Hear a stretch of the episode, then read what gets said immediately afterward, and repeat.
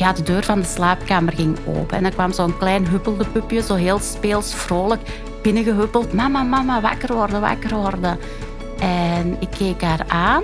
En ze was ongeveer de leeftijd van twee jaar. En dat was een herinnering voor mij hoe dat ik op die jonge leeftijd was. Heel speels, heel vrolijk, echt alive. En ze zei, mama, mama, wakker worden. En ik zeg, ja schatje, ik ben wakker. Ja, mama, ik, uh, ik wil jou iets vertellen. En toen zei ze van, ik kom afscheid nemen van jou. Maar weet hè, dat dingen met een reden gebeuren. Ik ga sterven, mama, maar jij, jij mag terug gaan leven. Miljonairsvrouwen.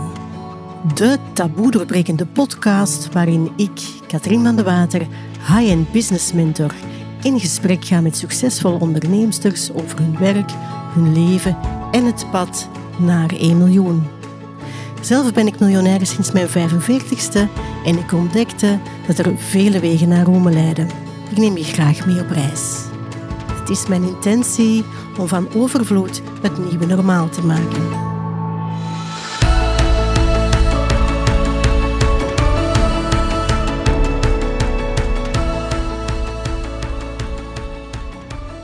Welkom luisteraar. Ik ben vandaag in Geel te gast bij Anne Goris.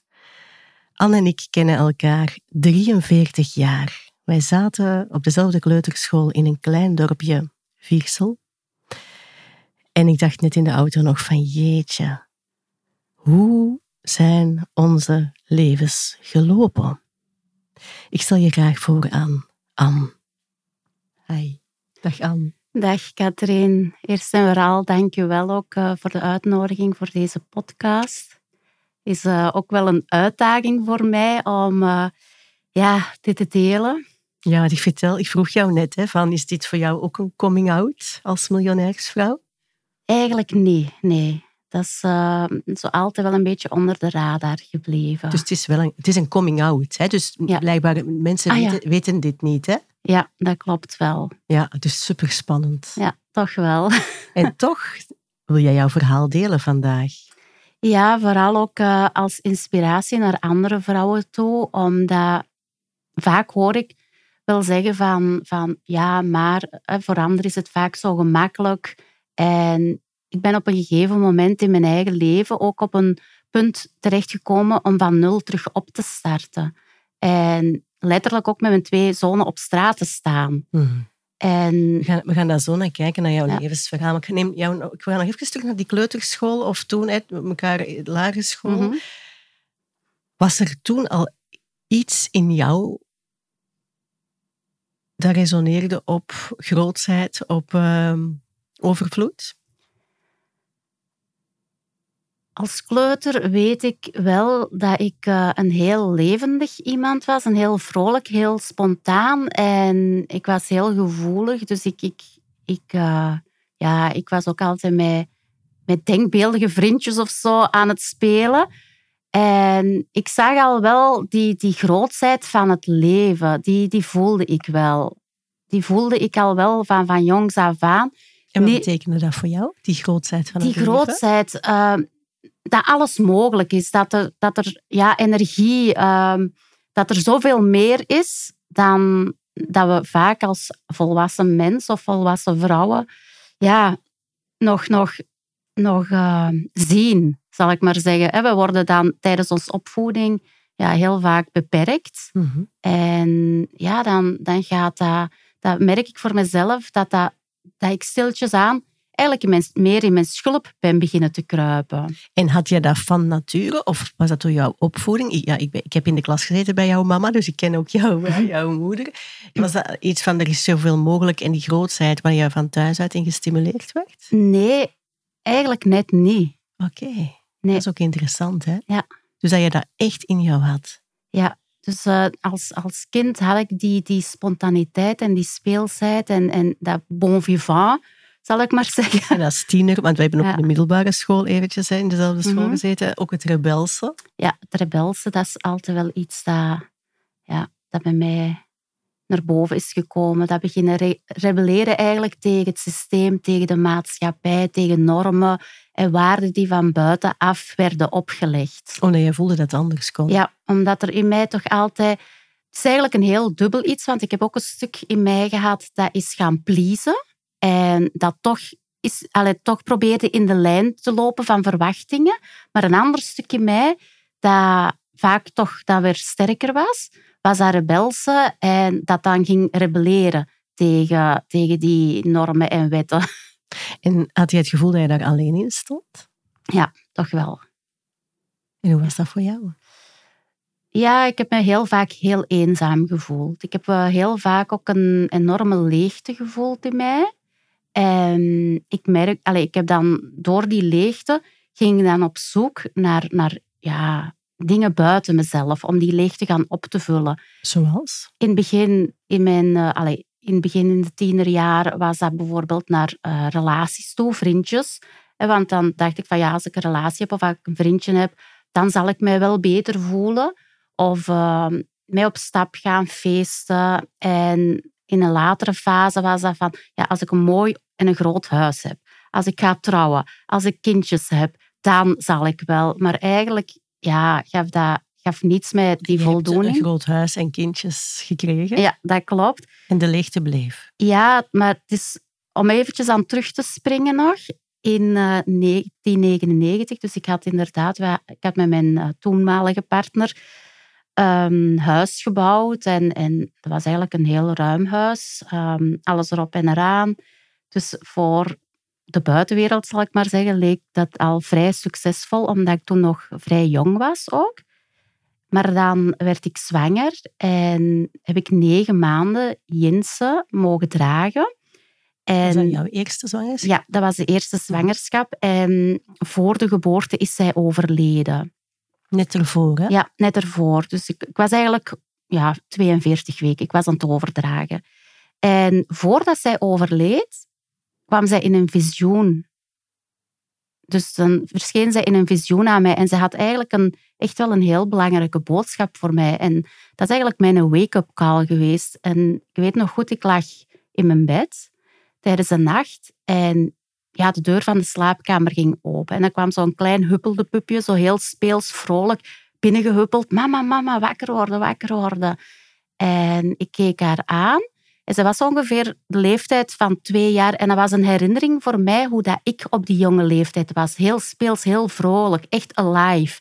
En ze zei, mama, mama, wakker worden. En ik zeg, ja, schatje, ik ben wakker. Ja, mama, ik, uh, ik wil jou iets vertellen. En toen zei ze van, ik kom afscheid nemen van jou. Maar weet hè, dat dingen met een reden gebeuren.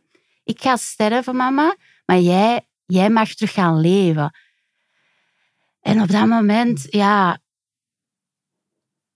viel eigenlijk mijn wereld gewoon door elkaar. En dat visioen, ik was daar zo bewust van. Ik was er zo bewust bij aanwezig. Dus ik wist ook in elke cel van mijn lichaam van, ja, dat is geen droom. Dit is mhm. werkelijkheid. Dit is echt. En, en ik ben ook beginnen te huilen. En ik zei, nee, nee, dat kan niet. En wat bedoel jij? Ik leef toch? Nee, mama, jij leeft niet. En zij is toen ook, de dag daarop, zij is dan overleden.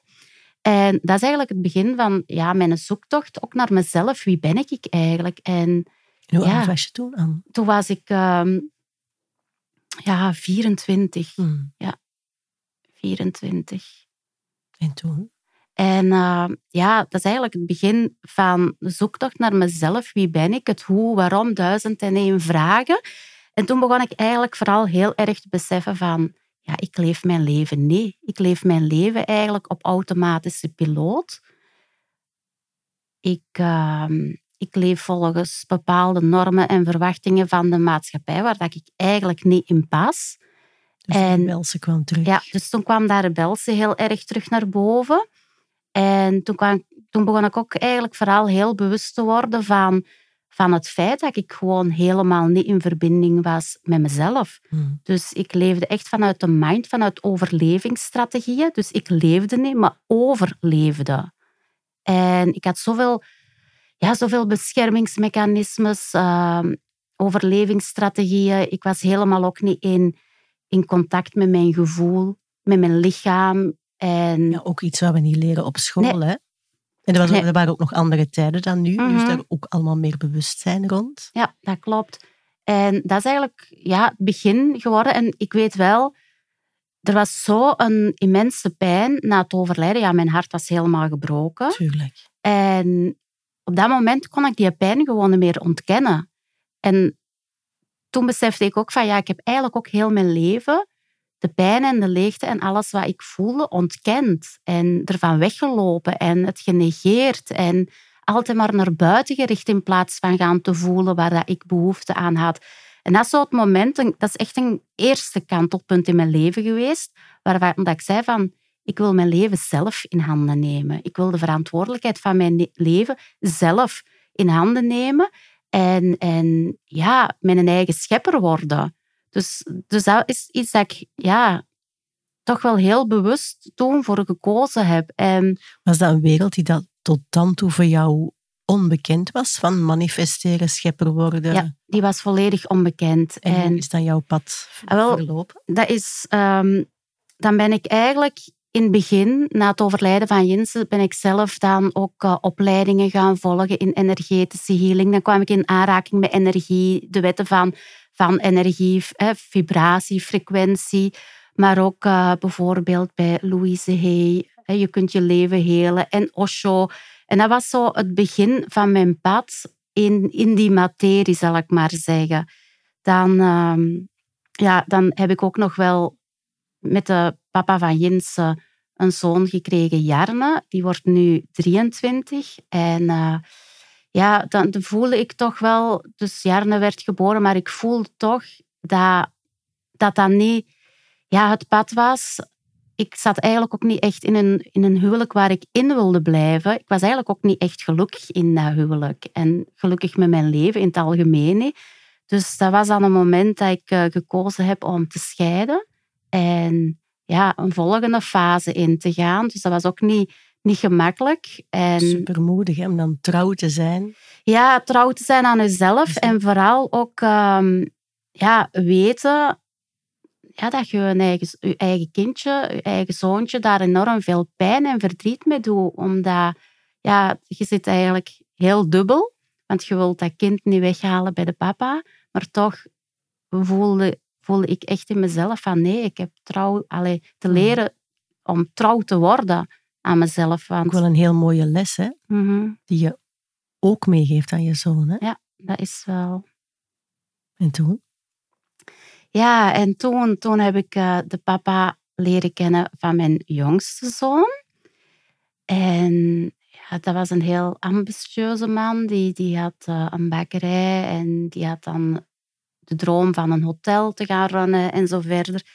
Dus uh, dan heb ik het hotel eigenlijk gerund. En dan ben ik ja, eigenlijk vooral zijn droom gaan leven.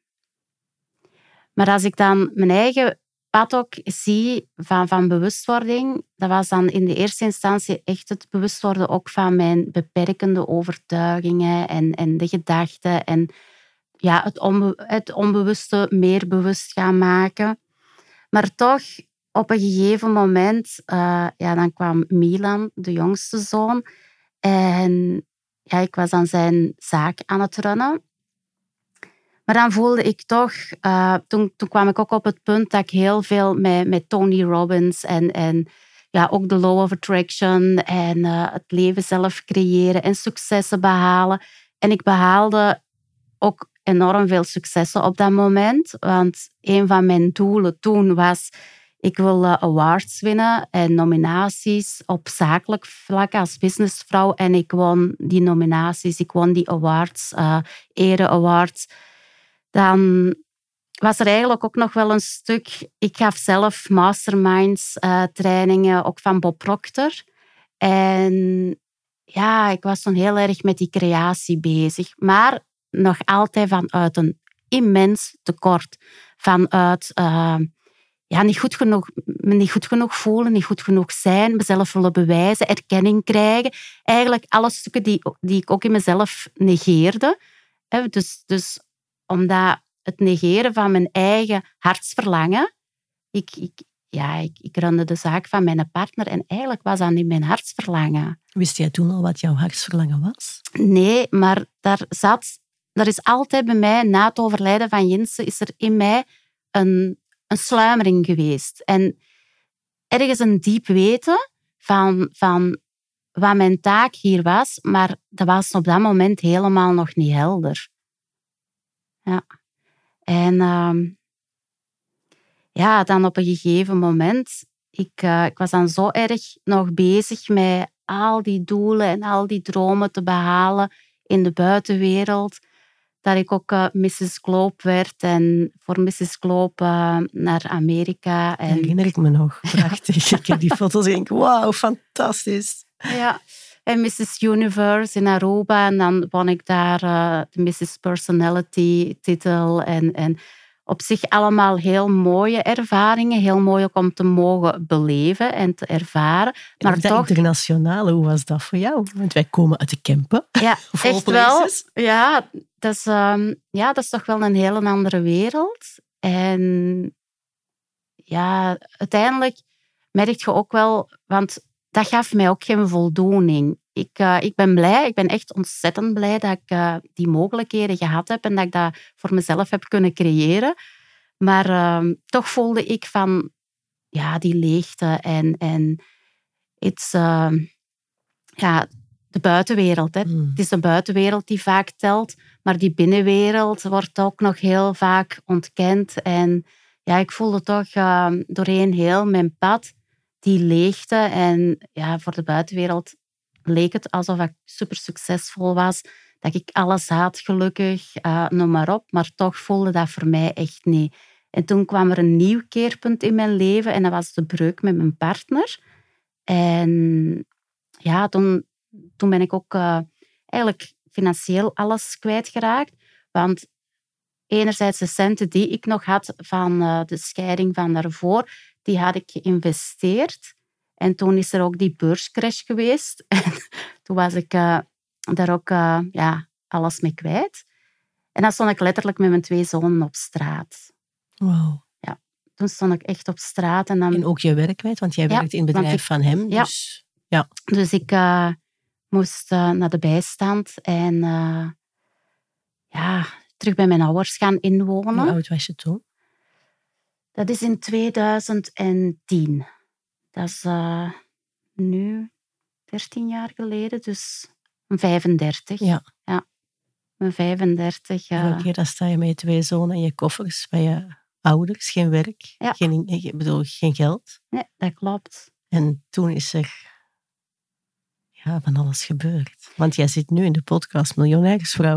ja, dat klopt inderdaad. Weet het eerste moment ik kan me nog echt uh, ja, herinneren hoe, hoe pijnlijk dat, dat voor mij was. En hoe mijn mind mij ook vertelde hoe gefaald ik was. Want dan gaan we onszelf allemaal verhaaltjes vertellen over uh, ja, de stukken die dat we niet goed doen en die niet goed zijn gelopen. En dan gaan we zelf wijsmaken dat we gefaald hebben en dat we toch niet goed genoeg zijn en zo verder en zo verder alle was ik op dat moment toch al op een bepaald niveau van bewustzijn, dat ik mezelf dat ook wel hoorde zeggen en zag zeggen. En toen heb ik ook voor mezelf gezegd van nee, dit is een nieuwe opportuniteit. Dit geeft mij de mogelijkheid om terug van scratch eigenlijk mijn leven gaan op te bouwen. Eindelijk, hè? Eindelijk. Want, want dat was tot dan toe nee, dat was nog niet helemaal jouw nee, leven geweest. Hè? Nee, en, en ook daarna is het niet altijd roze geur en maneschijn geweest. Want uh, ik heb nog heel veel diepe dalen gehad.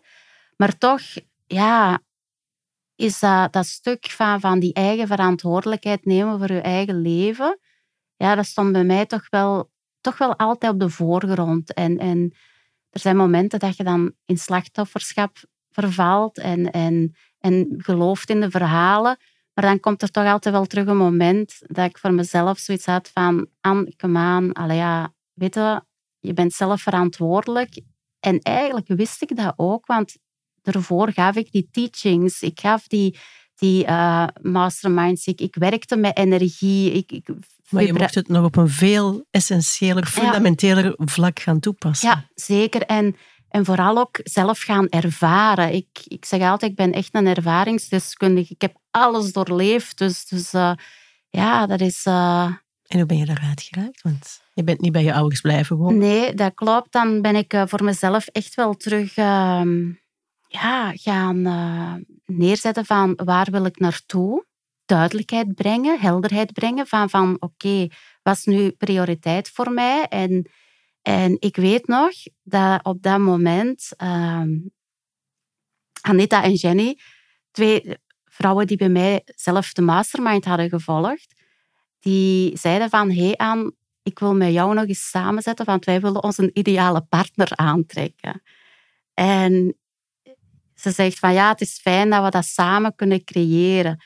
En ik had toen, ik zeg van, ja, kijk, ik ga niet mijn ideale partner aantrekken op dit moment, maar ik ga een huis aantrekken, want dat is prioriteit voor mij.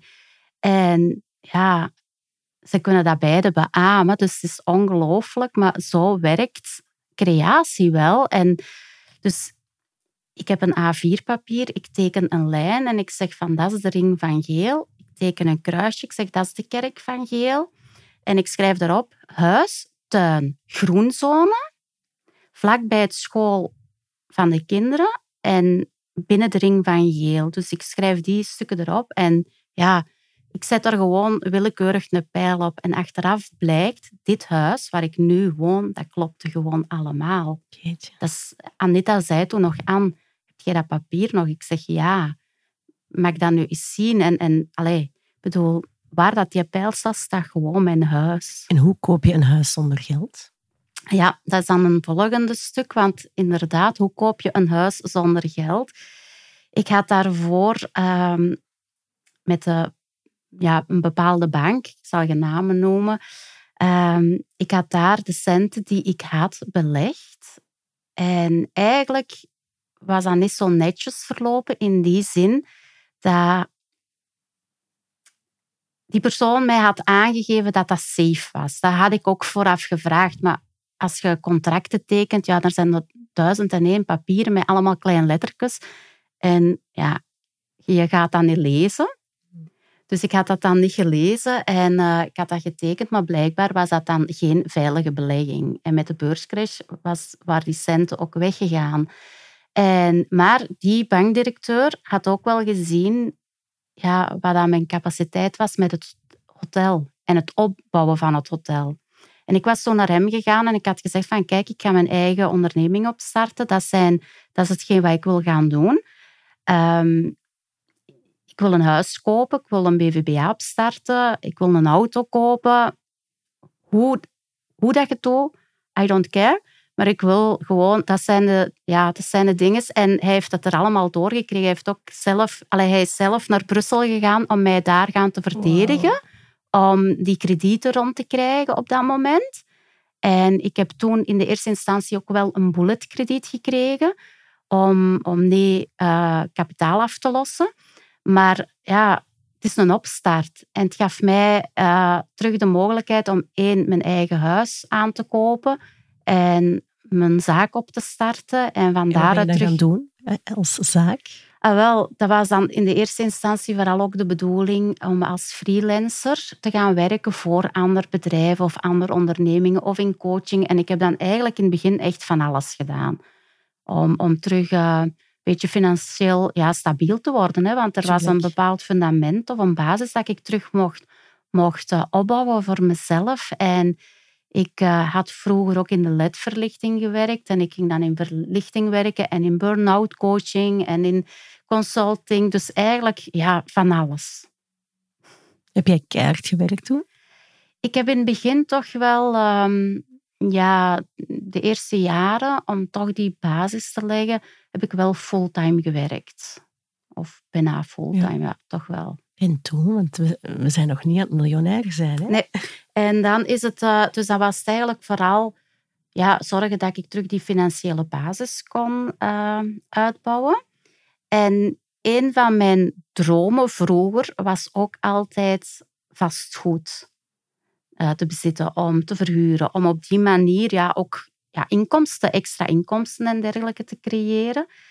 En ja, mijn toekomst, zal ik maar zeggen, een beetje veilig te stellen. Hoe was jij op dat idee gekomen aan? Ah, dat hebben we niet op school gehoord. Nee, nee. En, en dat idee, dat, dat had ik zelfs al als jong, jong meisje, als tiener, zelfs toen ik met mijn partner, mijn eerste partner, uh, aan het bouwen was. dan had ik dat al tegen mijn partner toen gezegd van ja, laten we ons ook uh, bijvoorbeeld binnenkort eens een appartementje kopen of een huisje verbouwen en verkopen. Maar die stond daar niet voor open. Die stond daar niet voor open. En dan is dat eigenlijk altijd gewoon een droom gebleven. Maar ik had voor mezelf ook gezegd van, van ja, dat is wat ik nog, nog op een bepaald moment in mijn leven toch wel, ja, dat was goed. Uh, en dan in 2016 ben ik uh, begonnen met echt uh, vastgoed aan te kopen. En dan had ik eigenlijk op minder dan, ja, op minder dan vijf jaar, na aankoop van dit huis, had ik negen eigendommen. Jeetje. Ja. Voor de luisteraar die hier ook van droomt, hoe, hoe begin je daaraan? Ja, hoe begin je daaraan? Dat is een goede vraag, maar ik, naar mijn gevoel is het vooral al heel belangrijk om te geloven dat dat kan. Om te geloven dat wij onze eigen scheppers kunnen zijn. En, en, en ja, ik, was natuurlijk al jaren bezig ook met, met mijn eigen masterminds en die programma's. Dus ik zat wel ook vooral in dat stuk van ik geloof dat alles mogelijk is en dat, dat we alles kunnen realiseren. En ook dat is met vallen en opstaan gegaan. En, en met momenten van terugvallen en weer, weer rechtstaan. Maar toch heb ik altijd in mezelf ergens dat geloof gehad van... Ja, ik weet nog dat ik uh, op een gegeven moment eigenlijk een krediet ging aangaan van een miljoen euro. Dat voor sommige mensen gewoon zo onrealistisch was. En voor mij ook wel ergens... Dezelfde persoon van de bank, waar je ja. eerder... Ja. Dus die heeft enorm in jou vertrouwd. Ja. ja. Wauw ja, dat wel. Ja. Dus, maar toch, en, en ook dat, daar geloof ik gewoon van, van, als je zelf echt kunt geloven in iets en je weet dat, je voelt dat. Want ook, ook met dat vastgoed, dat was voor mij, ik zag bijvoorbeeld een blok met acht appartementen en, en ik voelde van, dat is mijn blok. Terwijl dat mijn hoofd zei van, yeah, right dat, dat geloof je toch zelf niet. Maar toch ga ik dan vertrouwen op dat gevoel, wat ik voel van binnenuit, die flow en, en dat diep weten, terwijl dat, dat zo onlogisch vaak is voor de mind en de mind voorzichtig wil zijn en uh, wil beschermen, heb ik dat toch gedaan. En, uh, het is daardoor dat je miljonair geworden Ja, en daardoor, het is echt door mijn eigen innerlijke flow, en sommige mensen noemen het impulsief, maar voor mezelf is dat echt uh, ja, ergens een, een, een diep weten en een vertrouwen. Vertrouw, daar, daarop blindelings durven vertrouwen en, en weten van het komt wel in orde. Ook al lijkt dat voor ons, onze mind, zal ik maar zeggen, heel onlogisch. Hmm, ja. Prachtig. Ja. ja. Mannelijke, vrouwelijke energie. Mhm. We hebben er straks in het voorgesprek al even over gesproken. Ik hoor jou hè, praten over opleidingen rond uh, energie, reiki, al die zaken. Ook heel mannelijke dingen. Mhm. Proctor, Tony Ja. Robbins. Ja. In ons voorgesprek zei hij iets van 12 jaar. Kan je nog even herhalen hoe dat je het zei? 12 jaar de, de ene pool, 12 jaar de andere pool. Ja. En, en vertellen wat jij nu doet. Ja, ik uh, begeleid eigenlijk vrouwen ook op het pad om terug thuis te komen bij zichzelf. Om terug eigenlijk echt gaan te herinneren wie dat ze in essentie zijn. En, en, en eigenlijk is dat een beetje het afpellen van die ajuin. Laagje per laagje afpellen om terug bij die kern te komen. En dat is eigenlijk door de 24 jaar levenservaring, het pad waar ik zelf ben door, hè, doorgelopen. Na, na het overlijden van jouw dochter. Ja, na het overlijden van mijn dochtertje is dat echt uh, de weg naar binnen. Maar ik zie dat ook als de weg van mijn hoofd naar mijn hart, naar mijn baarmoeder, mijn lichaam. Dus eigenlijk om die allemaal in alignment te brengen, in verbinding te brengen. En het hoofd is niet minder dan, onze, dan ons hart, want we hebben ze allemaal nodig. En belangrijk is net om, ja, om ervoor te zorgen dat die in alignment zijn en dat die gaan samenwerken. En hoe doe je dat? Ja, dat is een heel proces, een, een, lange weg zal ik maar zeggen voor mij. Maar het is vooral ook door bewustwording en door, door ja, die laagjes gaan af te pellen, zal ik maar zeggen. Om ook uh, op een gegeven moment gaat je echt wel ja, voelen ook van, van bij mij is dat nu vooral het gevoel van, van dat de drie in verbinding en in alignment staan. En van daaruit ja, kan alle manifestatie eigenlijk geboren worden. En in de eerste instantie ben ik dan vooral heel veel gaan werken rond dat hoofdsbewustzijn en de beperkende gedachten en overtuigingen die, die dat ik had. Dus dan was dat eigenlijk mijn eerste fase ook in mijn leven. Om, om vooral ook uh, ja, dat geconditioneerde, dat echt geconditioneerde, om dat te gaan afpellen. En als mens zijn we ongeveer 5% bewust.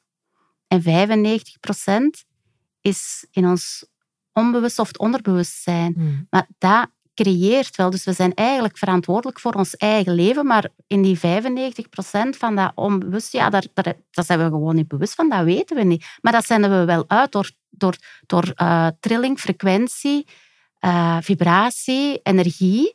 En wat je uitzendt, ja, dat komt terug.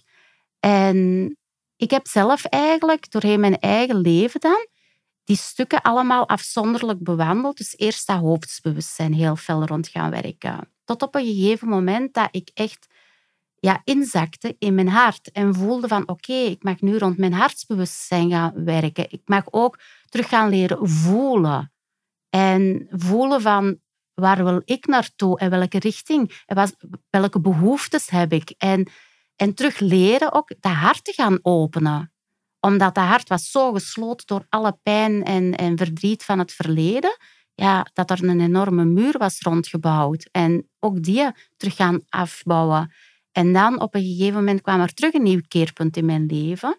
En dat was na een enorme burn-out, depressie, ziek worden, hysterectomie, het wegnemen van de baarmoeder, dat ik letterlijk werd platgelegd en dat ik de volgende fase de weg echt naar binnen mocht gaan bewandelen en terug in contact komen met dat lichaam, terug in contact komen met die bron van creatie, onze baarmoederkracht. En bij mannen is Sahara, maar wij hebben allemaal die diepe kracht in ons. En dat is eigenlijk een toegangspoort ook naar een enorme wijsheid.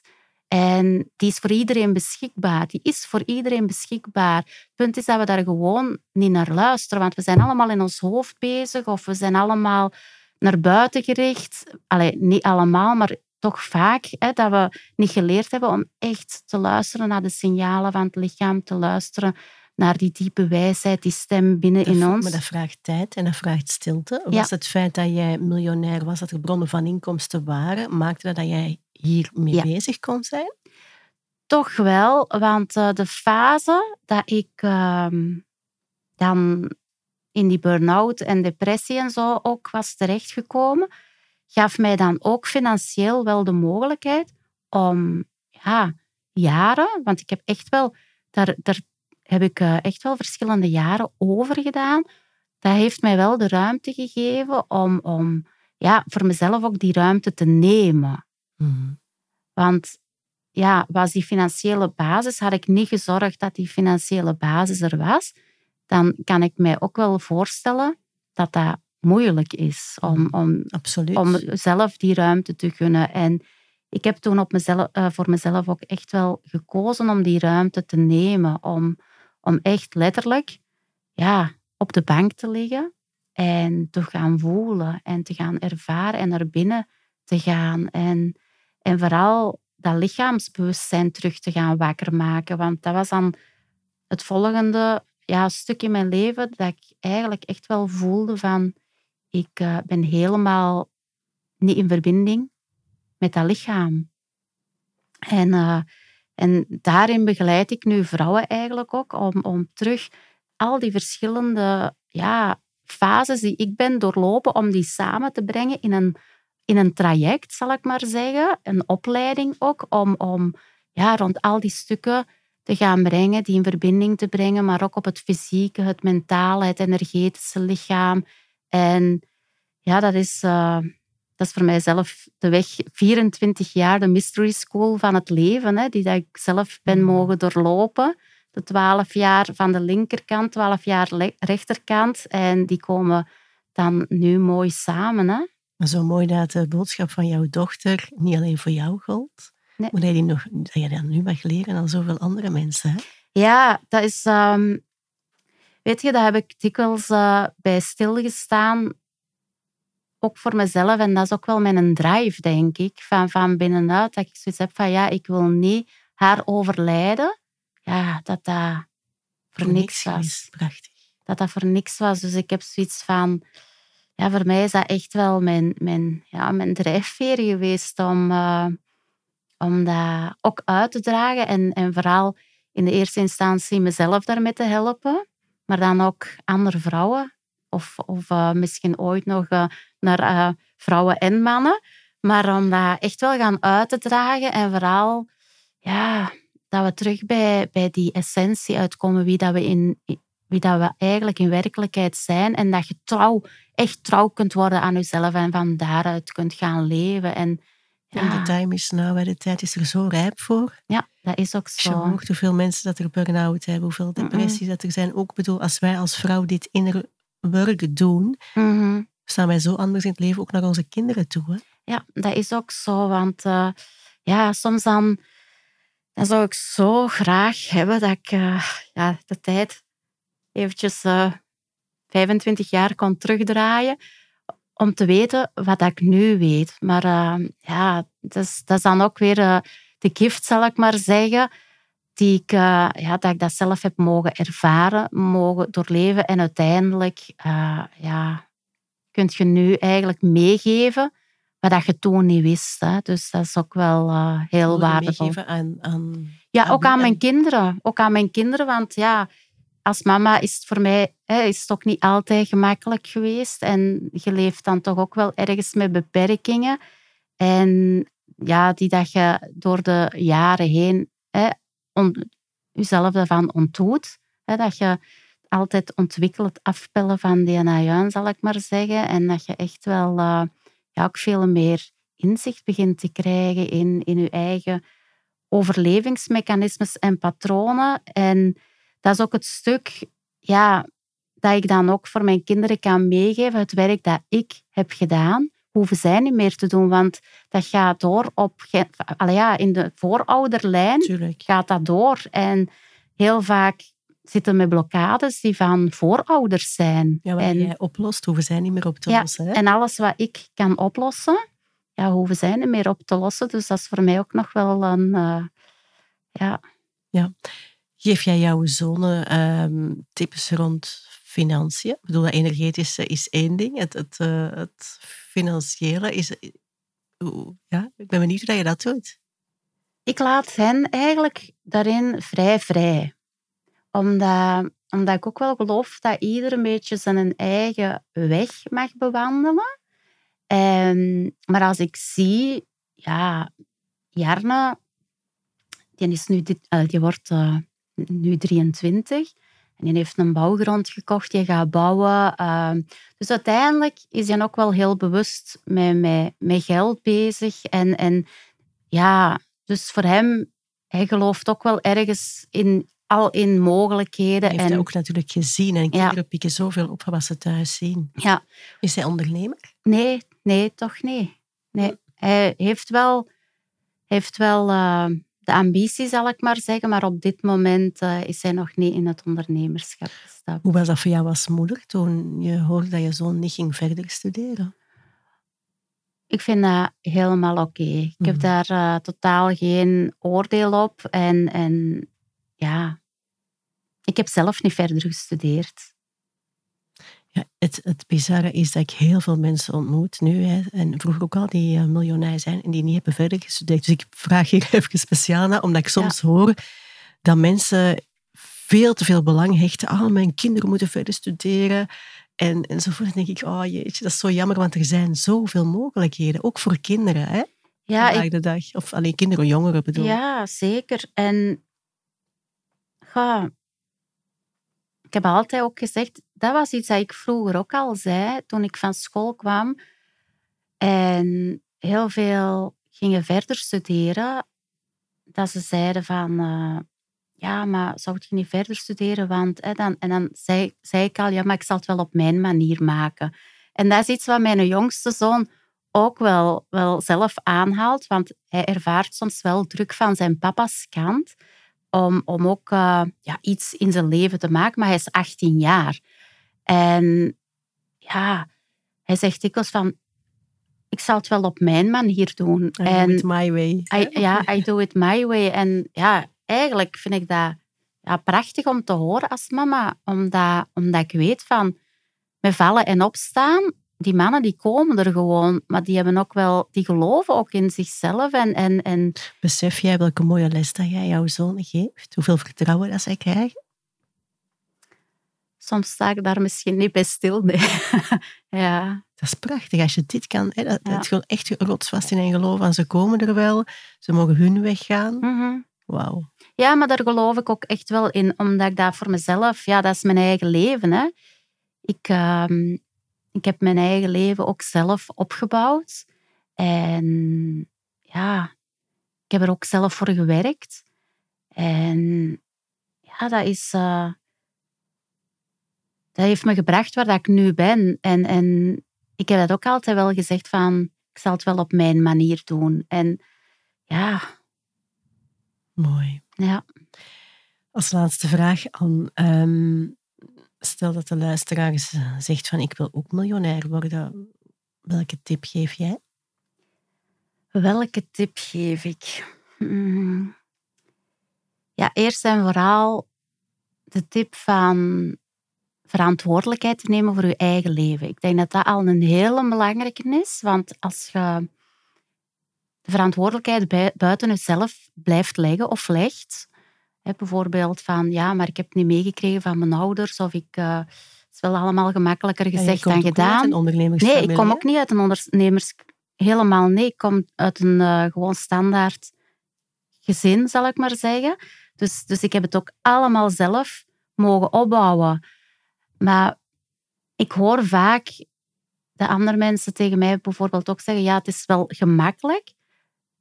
Maar ja, als je er zelf al niet in gelooft en je blijft ook in de verhalen geloven die dat je zelf vertelt, ja, dan, dan gaat dat je nergens niet brengen. Dus belangrijk is die eigen verantwoordelijkheid al nemen voor jezelf. En ehm, doe de work. En daarmee bedoel ik van, van ga onderzoeken ook van waarin beperkt je jezelf, waarin houd je jezelf tegen, welke verhaaltjes vertel je jezelf. En, en, en start met te geloven dat er andere mogelijkheden zijn. Dus dat zou toch al een eerste tip zijn dan op het, allez, op het vlak van eh, financieel. Ja, en je past dat toe op alles in je leven. Want ik heb net jouw man, jouw toekomstige man ontmoet. ja, dat klopt. Ja, Dus alle, alle dingen die jij zegt zijn niet alleen toepasbaar op geld, maar ook op de liefde en eh, op Ja, alles, op huizen. ja, op, eh, op, eh, ja, en ook met mijn onderneming. En ja, nu, voor mij heeft het ook wel lang geduurd, omdat ik die weg zelf heb moeten bewandelen. Weet je, voor mij was het zo belangrijk om mijn zielsmissie echt te kunnen gaan belichamen. En vanuit die belichaming dat te kunnen uitdragen en andere mensen met te gaan inspireren, maar ook, ook om, om ja, andere mensen daarin te begeleiden, omdat het een doorleefde wijsheid en ervaring is. En ja, ik voel nu, ik sta zo nu echt op het punt van, van, van het te mogen belichamen. En op die manier, het is echt helemaal ingezakt van dat hoofd naar de hart, naar die baarmoeder, dat bekken, van binnenuit, dat ik het mag gaan uitdragen. En ja, dat is gewoon voor mijzelf een lange weg, maar dat hoeft niet voor andere mensen zo te zijn. absoluut. Voor mij, ik weet gewoon, dat was nodig om te komen waar ik nu ben. En Mm. ik voel hem ook gewoon in elke cel. Ik zie hem ook. Ja. Geweldig. Ja, dat is... eh, Nog, toch nog één vraag die ik niet kan laten. Waar, waar droom jij nog van, Anne? waar ik nog van droom. Ik droom nog om, ja, met FEM. Dus eh, de Feminine Embodiment Mystery School. Om FEM? FEM, ja. Om echt daar, ja, gewoon een legacy mee op te bouwen. Daar droom ik toch nog van. Dat dat, Internationaal? ja, dat mag ook internationaal. Ja, Mag het toch groot? wel. Het mag groots. Voor mij mag het altijd heel groot. Nee, maar dat droom ik echt wel van. Gewoon ook omdat, ja, aan birthing, een nieuw eh, ja, project, zal ik maar zeggen, dat is echt vanuit mij mogen geboren worden. En ja, dat staat ook zo symbool met Jinse.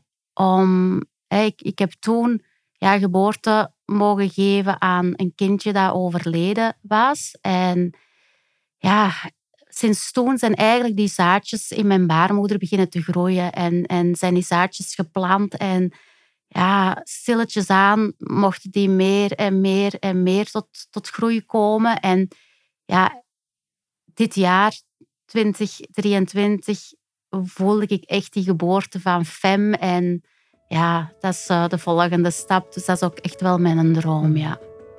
Hm. Wij gaan klinken op heel veel moois. Dat is goed, dat gaan we doen. Dank je wel. Laat dit verhaal een inspiratie zijn voor jou om na te denken over hoe jij wil werken en leven. Mogelijk herken je jezelf voor een deel in dit verhaal. Alles begint met een verlangen en het zetten van een concrete stap. Er is zoveel mogelijk. Ook voor jou. Vond je dit gesprek interessant? Scroll dan helemaal naar beneden in de lijst op de podcastpagina en schrijf daar je review. Zo help je me om meer mensen te bereiken. Dank je wel alvast. Heb je graag dat ik met je meedenk op je pad om ook miljonairsvrouw te worden, zodat jij dagelijks joy, ease en abundance ervaart? Vraag dan een gratis strategie-sessie met me aan via de link in de show notes.